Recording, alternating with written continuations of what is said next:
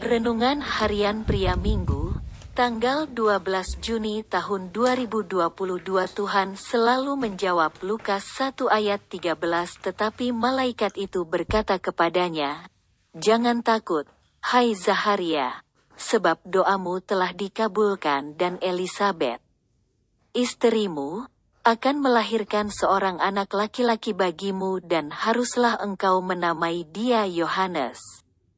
Pasangan suami istri ini, yaitu Zaharia dan Elizabeth, belum mempunyai seorang anak dan itu menjadi pergumulan mereka berdua. Ketika Zaharia dapat kesempatan untuk melayani di dalam bait Allah, seorang malaikat datang kepadanya dan berkata, Jangan takut. Hai Zaharia, sebab doamu telah dikabulkan, dan Elizabeth, istrimu, akan melahirkan seorang anak laki-laki bagimu dan haruslah engkau menamai dia Yohanes. Dan akhirnya Elizabeth, istrinya melahirkan seorang anak yang sudah diberi nama oleh Tuhan, yaitu Yohanes, yang kita tahu kemudian sebagai Yohanes Pembaptis.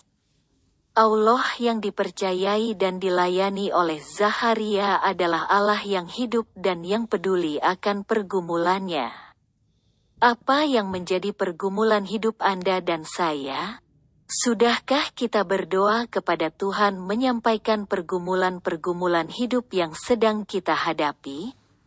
Jangan kecewa dan putus asa jika kita sudah menaikkan doa-doa kita kepada Tuhan. Tetapi kita belum mengalami jawaban dari doa-doa kita. Terus percaya dan bersyukur kepada Tuhan yang setia dan selalu peduli akan kehidupan kita. Jangan izinkan sedikit pun benih ketidakpercayaan masuk ke dalam pikiran dan hati kita. Terus bangun hubungan intim dengannya melalui doa dan firman-Nya. Nantikanlah dia berbicara kepada kita dan alamilah jawaban Tuhan dari doa-doa yang sudah kita panjatkan kepadanya. Refleksi diri, apa yang firman Tuhan katakan kepada Anda? Bagaimana kehidupan Anda dengan firman Tuhan itu? Catat komitmen Anda terhadap firman Tuhan itu. Doakan komitmen Anda itu, pengakuan iman, terima kasih Tuhan. Engkau adalah Bapa yang baik yang selalu menjawab doa-doa yang saya naikkan kepadamu.